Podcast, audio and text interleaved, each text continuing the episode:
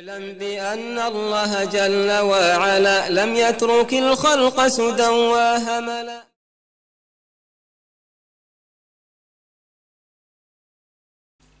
بسم الله الحمد لله الصلاة والسلام على رسول الله. استعين بالله لا حول ولا قوة إلا بالله. اللهم لا سهل إلا ما جعلته سهلا وأنت تجعل الحزن إذا شئت سهلا اللهم أرنا الحق حقا وارزقنا اتباعه. وارنا الباطل باطلا وارزقنا اجتنابه ولا تجعل الحق ملتبسا علينا فنضل. اللهم آت نفوسنا تقواها وزكها أنت خير من زكاها أنت وليها ومولاها برحمتك يا أرحم الراحمين. اللهم إنا نعوذ بك من همزات الشياطين ونعوذ بك ربي أن يحضرون. اللهم يسر ولا تعسر اللهم بارك وتمن بالخير. أما بعد Sva hvala i zahvala pripadaju samo Allahu, savršenom gospodaru, koji jedini zaslužuje da mu se svaki vid ibadeta upućuje.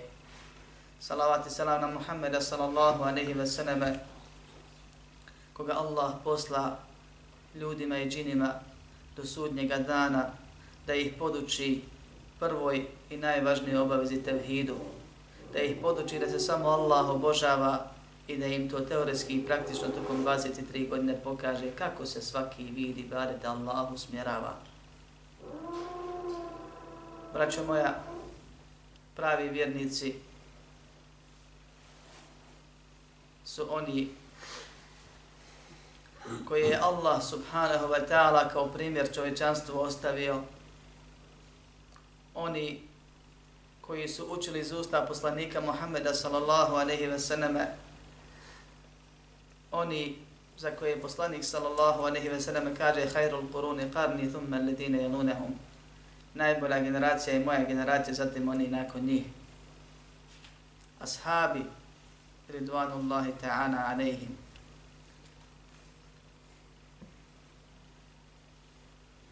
oni su primjer ostalim vjernicima na sudnjega dana. Oni su oni čiji put treba slijediti. Oni su oni koje je Allah učinio primjernom generacijom. Oni su svojim vjerovanjem, svojim djelovanjem, svojim ponašanjem dostigli Allahovo subhanahu wa ta'ala zadovoljstvo. Allah nam naređuje da se na njih ugledamo. Poslanik sallallahu alaihi ve sallam također. U prvim generacijama muslimana, braćo moja, kod ashaba i oni koji ih u slijediše, ibadet je bio ibadet, a nije bio adet. Ibadet je građen na pet osnova o kojima smo govorili. Oni su Allaha subhanahu wa ta'ala obožavali iz ljubavi, straha i nade. A ta ljubav nije bila onako ljubav kao neke dunjaločke ljubavi, nego ljubav raba, roba prema rabu iz poniznosti i veličanja. Nakon njih, braćo moja, dođoše generacije zindika. Pojaviše se ljudi koji Allaha i straha obožavaju, ljudi koji Allaha iz nade obožavaju, ljudi koji Allaha tako tvrde iz ljubavi samo obožavaju. Iskrenuše i daleko zalutaše. Pojavili su se Haridžije čiji je ibaret temeljen na strahu, pa su uvjeri pretjerali i pretjerivali do te mjere da su ashabe Allahova poslanika sallallahu alejhi ve sellem nevjernicima proglašavali. Muslimansku krv halale, nered na zemlji činili. Pojaviše se kao odgovor njima murđije, koji pokušavši da pobjegnu iz haridžijske krajnosti, odoše u drugu. Allaha subhanahu wa ta'ala obožavaju na na osnovu nekoliko njegovih imena i osobina, kao da on subhanahu wa ta'ala savršen neka je daleko svake menkavosti, nema sem osobinu milosti, osobinu praštanja, osobinu blagosti i tako dalje. Pa Allaha obožavaju iz nade i na tome grade svoj ibadet.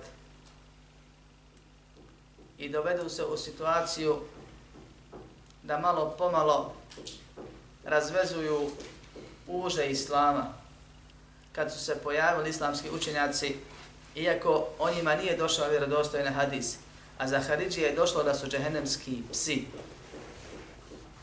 Islamski učenjaci su govorili da su murđije najgora stvorenja na zemlji i da će najveći nered praviti, kao što je i bilo. Jer su oni uzrok da se muslimani kroz vijekove odalje od islama.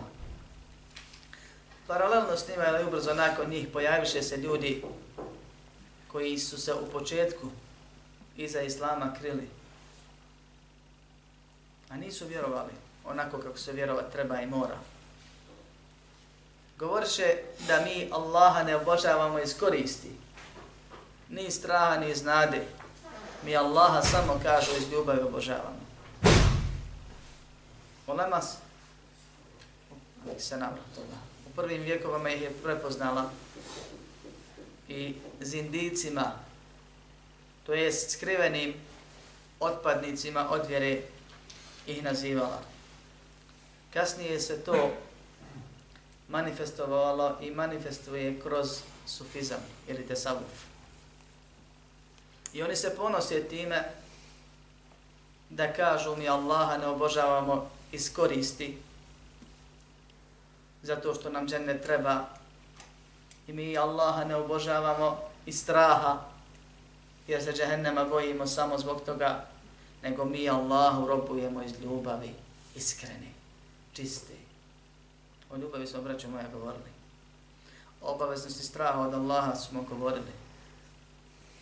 Onaj ko Allaha subhanahu wa ta'ala voli, onako kako rob rabba voli, vjerujući da je on savršen, da je on gospodar, nužno će se na njega osloniti i o tevakulu smo prošli puta govorili.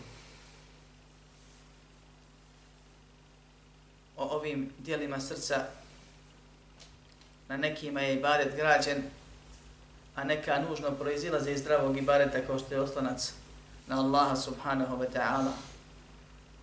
Večeras je na, red, na redu govor o nadi u Allahovu milost i opasnosti od dvije stvari koje su vezane za ovo i prethodna poglavlja. Prije nego prijeđemo na komentar poglavlja, a nakon što smo se propitivali prije predavanja, zanima me još neke stvari koje bih volio da čujem od vas. A to su,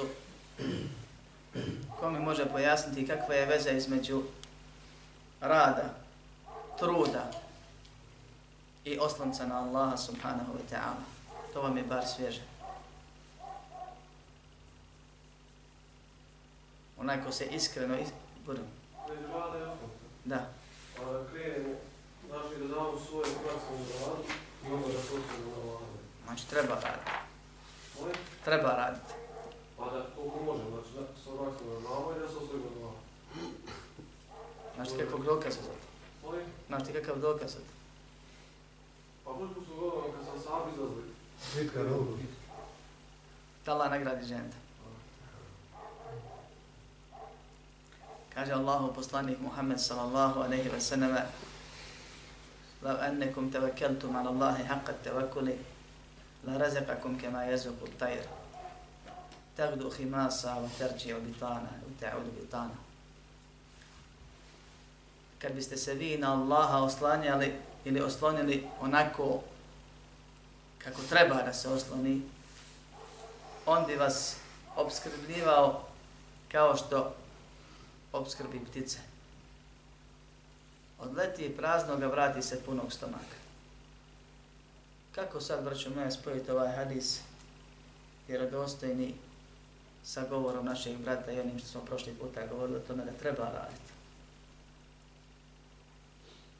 Jer postoje skupine koje kažu mi se na Allaha oslanjamo, mi ne radimo i nećemo da radimo i Allah će nas obskrbiti kao što obskrbuje ptice, kaže. Nije ptica, nije ptica ostalo u nijedu, ptica ušla traži. Pa ja, to znam. Da Allah nagradi žena. Znači, prisutni smo se večeras, hvala Allah, dobro. Kaže, poslani se odleti praznog stomaka, gdje ide? Ide tražit na faku. I ako ne zna gdje će tražiti, traži gdje naći, ali traži i kreni. I vrati se punog. Jer Allah je svakome propisao na faku. I ko traži, naći. I naći će.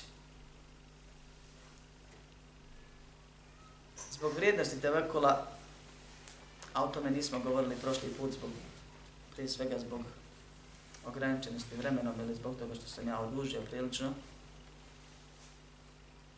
Allah subhanahu wa ta'ala nam je propisao dove kojima započinjemo trud i traženje i rad i izlazak i dove kojima završavamo dan i polazimo na počinjak i dove koje učimo unutar samog namaza i dove kojima se posjećamo nakon namaza i mnoge druge. Čovjeku je, čovjeku je propisano kad izađe iz svoje kuće da kaže Bismillahi tawakkeltu an Allah la havna wa la qubata ila billah. Dova koja otvara sva vrata. Znači. Onome koji shvati, razumije i srca govori.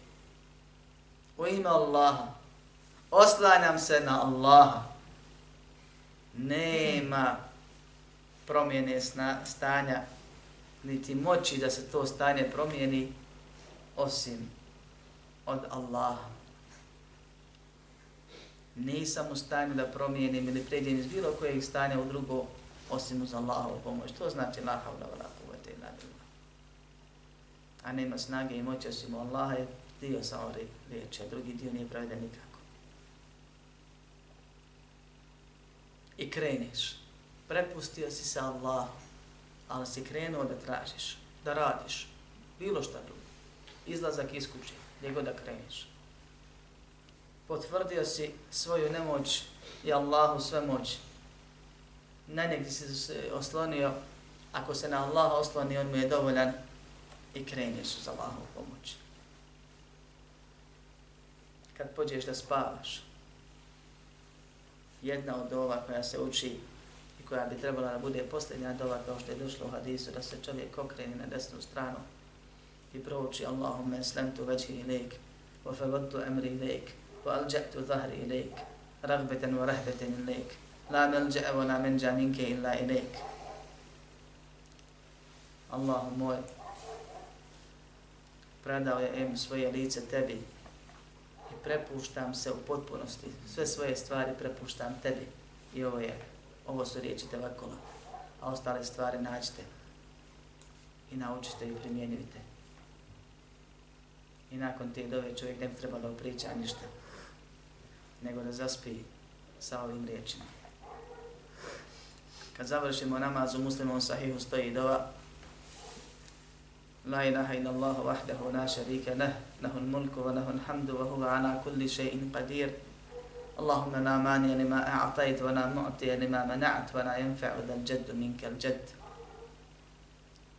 Nakon riječi poznati tevhida kroz dovu la ilaha ila Allah vahdehu la šarike ne, a ono će biti ako Bog nekad govora posebno, kaže se Allahu moj, nikomu ne može ti, niko ne može spriječiti ono što ti daš i nikomu ne može dati ono što ti spriječiš.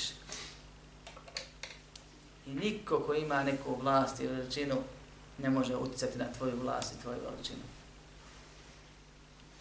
Ista ta dova, ovaj zadnji dio koji je bitan, se uči po jednom mišljenju na filama, zato što je tako preneseno, a po drugom na bilo kojem ko zna u okviru malo pod, duže dove prilikom vraćanja sa rukua.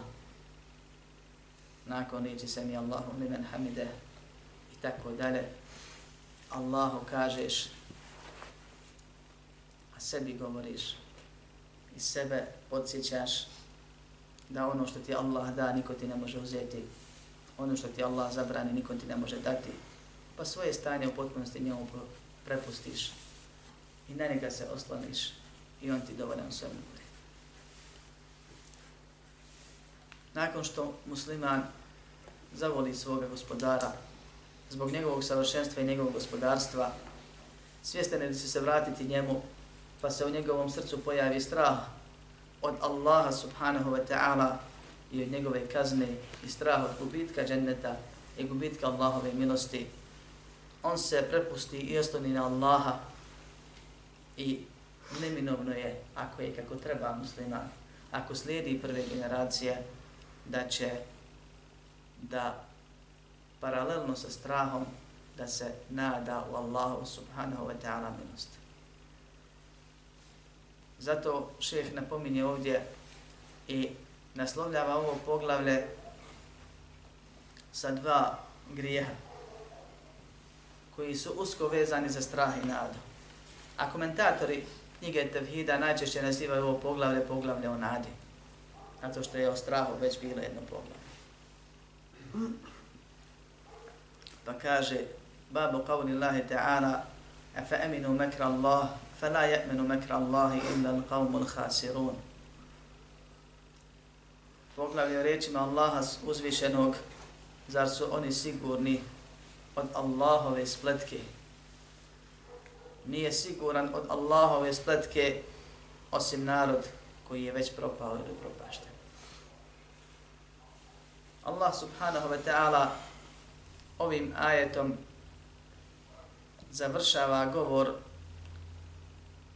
u nekoliko stranica u suri Al-A'raf kad govori o tome kako je prošao Nuhov narod, kako je prošao Hudov narod, kako je prošao Salihov narod, Lutov narod, Šuaibov narod. Pa onda kaže da nije nijednom poslani, mjestu poslanika poslao da ih nije iskušao sa nekim neimaštinama i tako dalje. Pa kaže, وَلَوْ أَنَّ أَهْلَ الْقُرَى آمَنُوا وَاتَّقَوْا لَفَتَحْنَا عَلَيْهِمْ بَرَكَاتٍ مِنَ السَّمَاءِ, من ولكن fa akhadnahum bima kanu yaksibun. da su stanovnici sela, naselja, mjesta, gradova vjerovali i bogobojazni bili nakon što im je došao pozivač, mi bismo im otvorili bereket iz neba i zemlje. Ali su porekli i poricali, pa smo ih kaznili zbog onoga što su radili. Pa ih pita Allah subhanahu wa ta'ala Zar su oni sigurni da im neće doći naša kazna noću kad spavaju ili danju kad rade, kad se kreću? I nakon toga kaže ovaj ajet, efe eminu mekra Allah, zar su oni sigurni da Allahove spletke? Fela je'menu mekra Allahi illa al-qavmu al-khasirun. Nije siguran da Allahove spletke osim narodu propašteni. Ja prevodim onako kako stoji. I mi vjerujemo Allahu kao što vjerujemo u Allah. I mi Allahove riječi prepravati nećemo i ne smijemo. I nećemo reći Allah je rekao spletka, a on misli nešto tamo treći.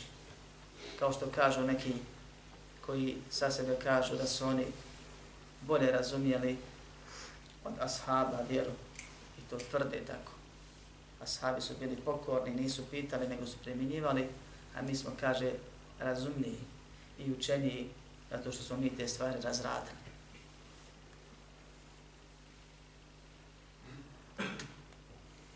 Pita se Allah subhanahu wa ta'ala pitanjem koje za cilj ima kritiku i osudu. Zar su oni sigurni od Allahove spletke? Kažu učenjaci, Allah subhanahu wa ta'ala, kao što je poznato, sam sebe je opisao u Kur'anu ili na jeziku poslanika Muhammeda sallallahu aleyhi ve sallam raznoraznim opisima što više njegovih opisa i osobina znamo, toga više volimo, toga više spoznajemo, toga više veličamo, tomu se više nadamo, toga se više bojimo, to bolje vjeru praktikujemo. Njegove osobine su raznovrsne.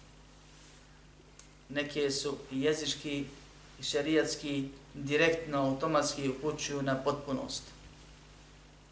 A imaju neke druge koje vanštino mogu upućivati na nešto što možda nije u svakoj situaciji potpuno. A znamo da Allahova osobina svaka je savršena i svaka je dobra i svaka je potpuna. Pa se osobine poput Allahovog ismijavanja sa munaficima i Allahovog spletkarenja i tome sličnim osobine tumače i razumijevaju onako kako su, u kojem su kontekstu došle. A to je da je braćo moja od potpunosti i pravednosti. Da se Allah obhodi prema zulumčarima onako kako oni to zaslužuju. Raznim vrstama zulumčara. Pa kao što je potpuno i pravedno da Allah žestoko kažnjava onaj koji kaznu zasluži. Tako je pravedno i potpuno da oni koji spletkare Allahove subhanahu wa ta'ala vjeri vjernicima, da Allah njima spletke pravi. Da oni koji pokušaju Allaha prevarit, da Allah njih vara. Kao što kaže za munafike. To su osobine potpunosti. I to su stvari koje mi vjerujemo. Allah najbolje govori. Allah je objavio Kur'an kao upućivač. Da ga razumije i najpismeniji i najnepismeniji. Samo ako ga čuje. I Allah Kur'anom upućuje, a u zabludu ne odvodi. Pojašnjava, a ne muti. I da je ovo stvar koja bi mogla nekome biti nejasna i uzrok zablude, kao što kažu ljudi. Ako ih pustiš da uče Kur'an, da čitaju Kur'an, kaže, otići u zabludu. La havla Allah, Allah. To Kur'an vodi u zabludu. Svatit će, kaže, bukvalno kao što stoji. Svatit će onako kao što su ashabi shvatili. Kao što su nene iz Nesabura shvatili. Allah da je htio promijenio bi ove termine, rekao bi nešto preciznije, da je trebalo nešto preciznije. Ne, nego je trebalo ovako da se shvati kao što stoji. I mi u to vjerujemo. Šta je to Allahova sletka? postoji nekoliko vrsta Allahove spletke, sve se vade, vraćaju na to ovaj, da čovjek kad je uporan u griješenju, Allah subhanahu wa ta'ala ga opominje u početku ili neko vrijeme. Opominje ga raznim iskušenjima, odmah ili ubrzo nakon grijeha ili nekad kasnije, a on zna i ima osjećaj da je to zbog tog i tog grijeha. Ne bi li se pokajao. I zato se desilo u doba sahaba da su uhvatili kradljivca i doveli ga da mu presude, a zna se kakva je presuda, pa kaže nemojte ljudi, prvi mu je put. Pa ashab kaže sa strane gledajući, ne Allaha mi, tebi nije prvi put. I svi se okrenu, otkud ti znaš sa Allahom kore? Kaže, Allah je milostiv, on ne sramoti nikog od prvi čim je došlo do toga da smo te uhvatili i javno ćemo te kazniti, ti si morao dobro zabrljati, da se tako izrazi. Allah je sitir i uhibbu sitr. Kao što je došlo u hadisu, onaj koji prekriva tuđe mahane grehe i voli da se to prekriva. I opet nekoga javno sramoti zato što je u tom ustrajen.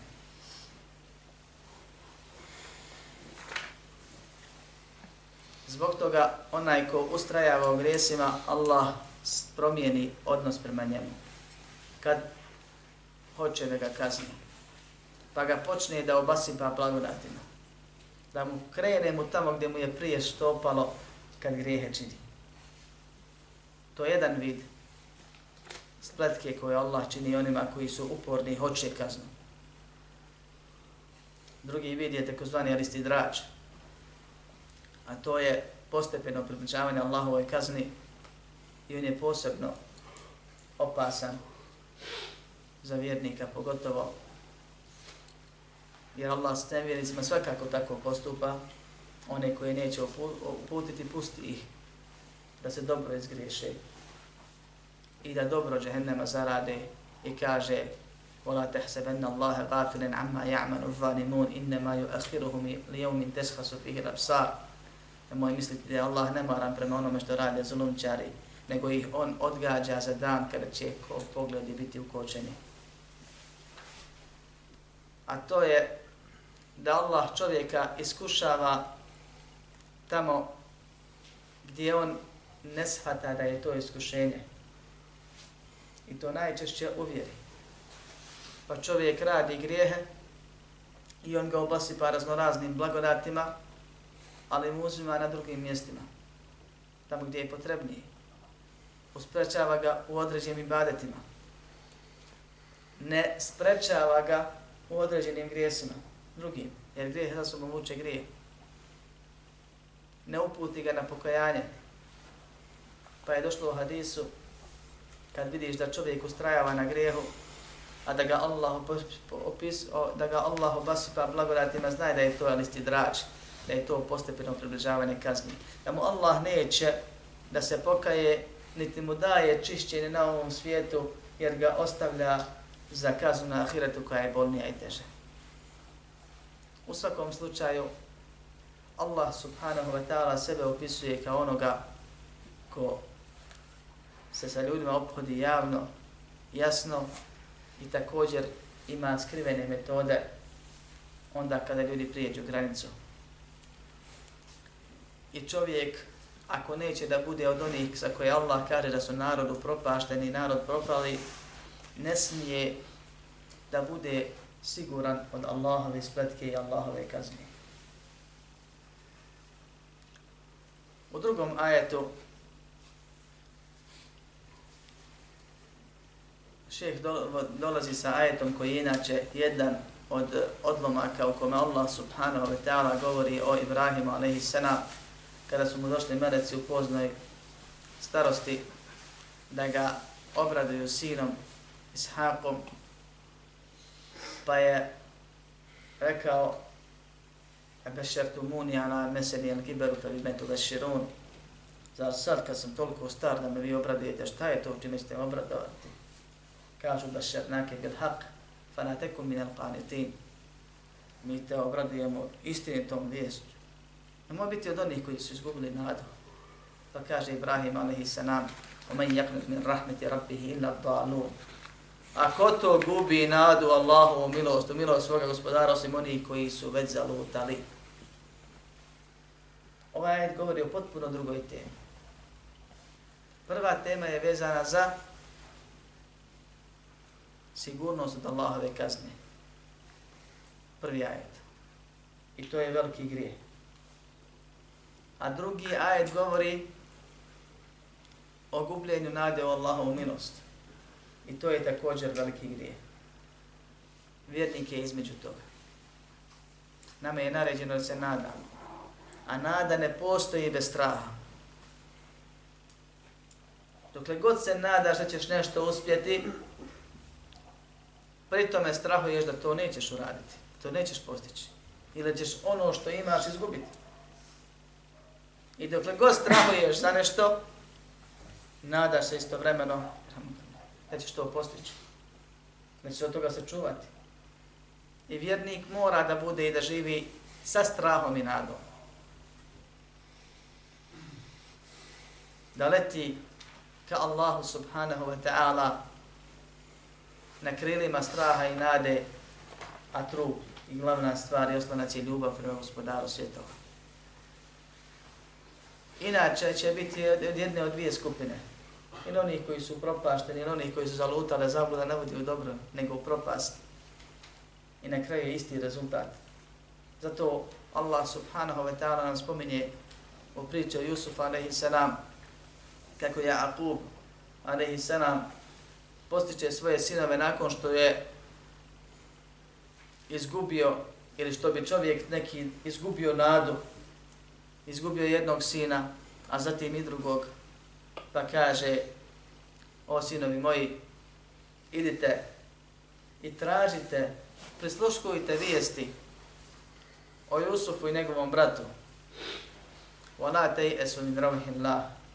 I nemojte gubiti nadu Allahu pomoć njegovu milost. Innehu la je esu min ravihin la illa l'qavmu kafirun. Ne gubi nadu Allahu pomoć njegovu milost osim narod nevjernički. Nevjernici su oni koji su izgubili nadu Allahovu milost, makar se i nadali. Jer je nada građena, ili nada njihova je bez osnove pa neće imati milosti na ahiretu. Vjernik nije nevjernik i ne ponaša se kao nevjernik i ne gradi kod sebe nevjerničke osobine. Njemu je naređeno da bude suprotno od onoga kakvim se opisuju oni koji ne vjeruju. Vjernik se nada u Allahovu milost i Allahove blagodati očekuje i njegovu pomoć još na dunjaluku a pogotovo oprost i džennet na ahiretu, ma kakve grijehe činio, u kakvom stanju bio. Vjernikova nada nije bez osnove. On je svjestan svoje nedosljednosti u primjeni šarijata. On je svjestan svojih grijeha. On je svjestan da Allah subhanahu wa ta'ala Iblisa prokleo zbog jednog grijeha. Adama iz dženneta istirao zbog jednog grijeha. I ako hoće, i njega će zbog jednog, a kamoli svi mnogobrojni kazniti. I to će pravedno biti. Pa se vjernik nada i strahuje. I kad strahuje, nadu ne gubi. I kad se nada, strah je prisutan. Zato šeh spominje nakon toga dvije predaje. Jedna se pripisuje poslaniku sallallahu alaihi ve selleme, iako njene potvrđenosti ima razilaženje, a druga, a isto im je značenje, je govor Ibn Mas'uda, vjerodostojan, a o ovakvim stvarima sahabi nisu mogli govoriti iz have iz svoje glave što oni misle, nego su morali biti podučeni jer se radi o obavijesti. Pa kaže se u prvom hadisu da je poslanik sallallahu alejhi ve sellem upitan o velikim grijesima pa je rekao eširku billahi wal ya'su min rawhillahi wal amnu min akrillah širku Allaha i kad god bi poslanik sallallahu alejhi ve sellem bio upitan o grijesima, prvo bi spominjao one koji izvode iz vjere. Jer su najveći veliki grijesi. Iako po onoj kategoriji koju smo mi naučili školskoj, imaju dijela kufra, pa veliki grijesi, pa mali grijesi. A između dijela kufra i velikih grijeha su novotarije. Međutim, općenito šta je najveći grije, poslanik sallallahu alejhi ve sellem napominje ashabe, a to se braćo moja i nas tiče. Jer ako Ibrahim a.s. nije bio siguran u širka i dovio je da ga Allah sačuva i njegove potomke od toga da obožavaju kipove, on ih pohlupo. Ko smo ti i ja da budemo sigurni?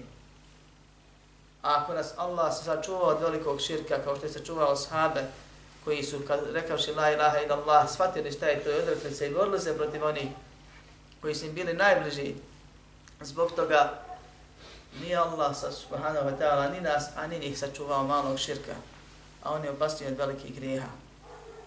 Pa je širk uvijek na prvom mjestu da se spomene i napomene, da se uči i da njeg podsjeća, da se njega bojimo. Zatim kaže, وَلْيَأْسُ مِنْ رَوْحِ اللَّهِ Gubljenje nade u Allahovu milost. wal amnu min makri Allah i sigurnost u Allahovu ili od Allahove kazni, od Allahove spletke. U govoru Ibn Mas'uda se kaže Ekberul kebairi. Najveći grijesi su Al-išraku billahi wal amnu min makri Allahi wal kunutu min rahmeti Allahi wal jesu min rauhi Allah Prepisivanje Allahu druga, širku Allaha, širk Allahu, Zatim, sigurnost od Allahove spletke. Zatim, gubljenje nade u Allahovu milost i gubljenje nade u Allahovu pomoć. Koriste se dva termina koji u Arapi kad govore jedan i drugi koriste za milost i pomoć. Ovdje šeh razdvaja. Ovdje Ibn Mas'ud razdvaja i šeh je došao s ovim, ajet, s, ovim, s ovom predajom u kojoj se potvrđuje ono što je došlo u hadisu i pojašnjava detaljnije. Čovjek dok vjeruje nada se da će ga Allah pomagati i da će mu dati ono što mu treba. I nada se i očekuje Allahovu milost. Allahova milost je obuhvatniji pojema same pomoći. Jer ona podrazumijeva ulazak u džennet, podrazumijeva praštanje greha i podrazumijeva davanje blagodati. Vjernik,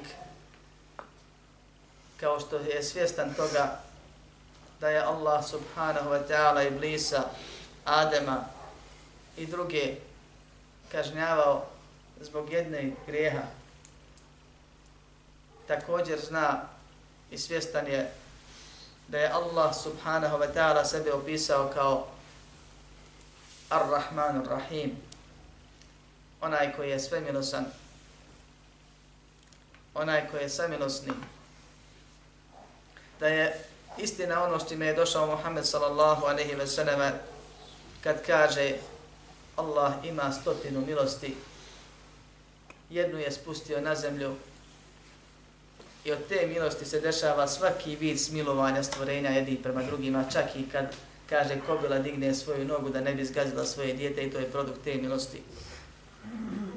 A 99 vidova svoje milosti ostave za sudnji dan da se smiluje vjernicima. Pa vjernik, ako bude čitao i slušao i stalno na umu imao hadise i ajete koji govore Allahovoj milosti, veličine Allahove milosti, nesumnjivo će mu nada rasti. Ali će njegova nada biti mnogo veća u odnosu na njegov strah koji će biti zanemarljiv. Neće imati potrebni utjecaj. I bit će isti kao murđije koji su na kraju rekli dijela nisu od imana, šta će ti dijela dostaje da vjeruješ i kaže čovjek moj i Ebu Bekrov iman su jednakog nivoa. S druge strane, ako bude stalno imao na umi ajete i hadise koji govore o strahu, o žestini Allahove kazne, bio svjestan Allahove osobina da je on džabar, da je on kahar, da je on aziz, moćni, silni, gordi, koji savladava i tako dalje. Rašće mu strah od Allaha subhanahu wa ta'ala. Ali sve na ovom dunjalu koji ima granice. I kad se prijeđu granice, to je pretjerivanje i to je zabranjeno. Pa kao što se u nadi može pretjerati, tako se u strahu može pretjerati. Strah koji nam je propisan, govorili smo o tome na predavanju o strahu, je ono što te tjera da ostaviš zabranjeno i radiš naređeno.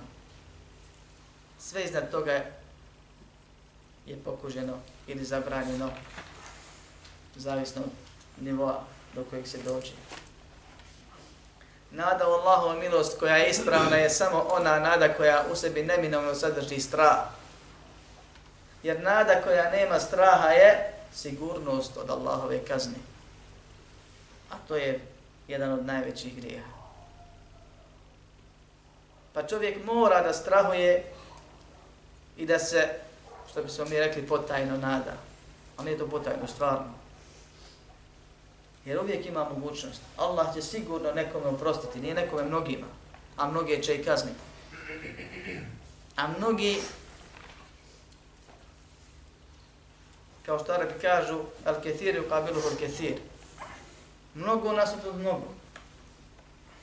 Velike su to skupine, ali ne znaš u koju ćeš. Opcije su obje otvorene podjednako. Zato je preneseno od Selefa i to je ono što je ispravno da čovjek po pitanju ovih tema mora znati šta je grije. Da je grije gubljenje nade u Allahovu milost i njegovu pomoć. Da je grije sigurnost od Allahove kazni. Da te stvari mogu biti i kufr ako su toliko u srcu jer obje vode ostavljanju pokornosti Allahu subhanahu wa ta'ala. Onaj koji je siguran da će mu se Allah sminovat, nema potrebe se onaj koji je siguran će ga Allah kazniti, šta on džabe ima raditi. I šeitan se trudi da ljudima poveća ove stvari, koji su osnovi ispravne strah od Allaha i nadu Allahom milost kako bi ih doveo do jednog od ova dva stanja. Izvo izvjeri. Ako ne može makar da ih dovede do stanja velikog grijeha. Da budu grešnici, a misle da i badete, da su dobri vjernici. Pa se kaže, kada bi bilo rečeno da će svi ljudi u džehennem osim jednog, ja bih se nadao da sam ja taj jedan. Bojao bi se. Ja svi odešli tamo. Ali ne bih rekao, e ja ću džehennem. Ja sam najpreći. Imao bih pravo da se nadam, kaže, da ću ja biti taj jedan. I također, kad bi bilo rečeno, svi će u džennetu osim jednog, ja bih za sebe strahovao i da nisam ja taj jedan. I tako čovjek mora da živi. Nakon ovog, ovih temelja, u nema se razilazi i od ashaba i tabina i učenjaka selaf se prenose na izgled kontradiktorne izjave o tome šta je preče da bude veći. Da li straha, da li strah ili nada. Pa imaju izreke, neki će to reći mišljenje, da je preče da kod čovjeka provladava strah, a da nužno mora postojati nada. Na što će ga to čuvati od greha uz Allahov pomoć. Odnosno Allah će ga time čuvati od greha. Drugi kažu ne. S obzirom da imamo hadis da je Allah subhanahu wa ta'ala hadis u Bukhari da je Allah subhanahu wa ta'ala kad je stvorio, kad je propisao, kad je odredio subine zapisao u svojoj knjizi koja se nalazi kod njega iz nadarša Inna rahmeti galabet qadabi moja milost je pretekla moje sržbu, moja milost je veća od moje sržbe. Meleci kad dove Allahu subhanahu wa ta'ala, kao što Allah spominje u Kur'anu, kaže Rabbena vasi'te kulle še'in rahmeten wa ilma. Gospodaru, ti si sve obuhvatio milošću i znanjem. I Allahova milost dopire onoliko do, do, koliko dopire njegovo znanje, on sve zna. Kaže imamo pravo i to su dokazi, kao što i prva skupina ima dokaze, da kažem skupina, iako se po ispravnoj mišljenju ne radi uopšte razilaženje. Da treba da nada bude jače, a strah nužno mora postajati da te otrati od činjenja hrana. Treći kažu, čovjek u mladosti bi trebao da se više boji nego što se nada, a onaj u starosti bi trebao da se više nada nego što se boji. Dio učenjaka pravi ovdje klasifikaciju predaja i kažu da se svaka predaja odnosi na određeno stanje. I su često tako prvaci, oni prije nas, oni prvi uvijek prvi govorili i tumačili. Kad tefsir je ajet, odgovarati na pitanje i kaže to, se, to znači to. A odgovore to se odnosi na tu stvar između ostalog. Dakle, ne dajte sve obuhvatan odgovor, nego kroz jedan primjer. Tako i u ovom slučaju upitanje o određenom primjeru, pa su rekli strah. Ovaj drugi o drugom primjeru, pa su rekli nada. Pa se kaže da onaj koji je zdrav, čitav, aktivan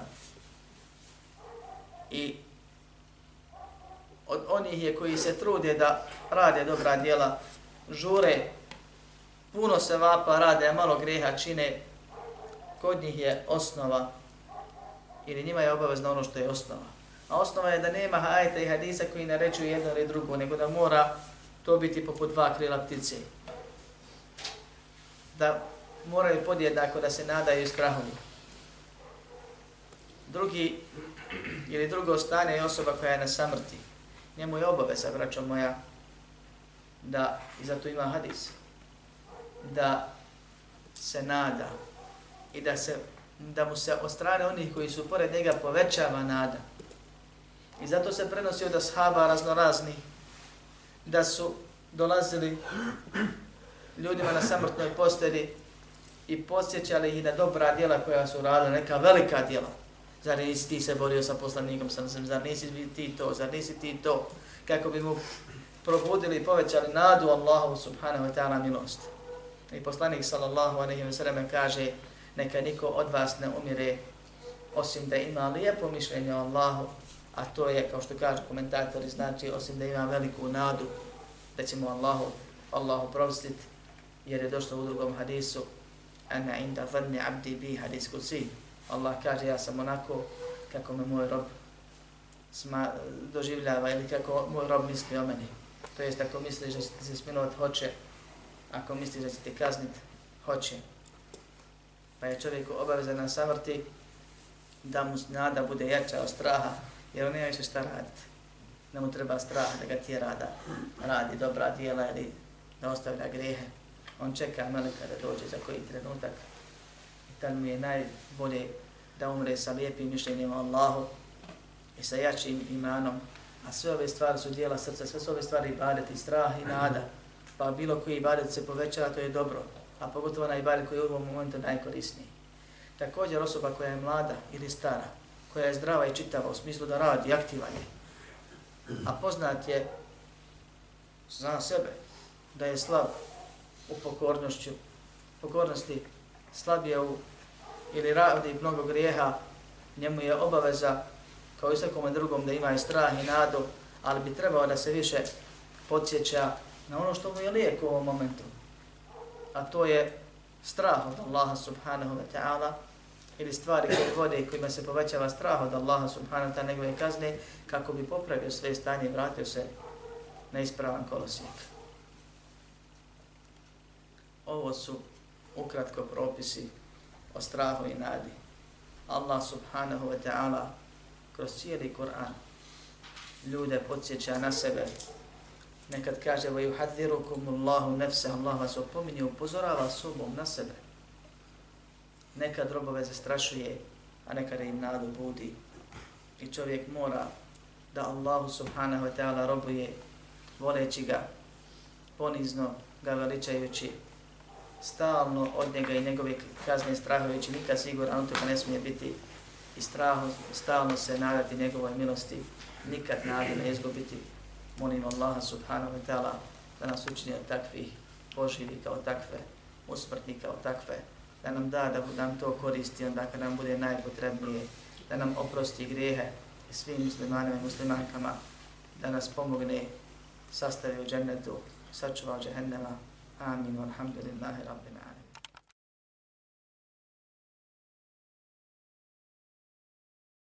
اعلم بأن الله جل وعلا لم يترك الخلق سدى وهملا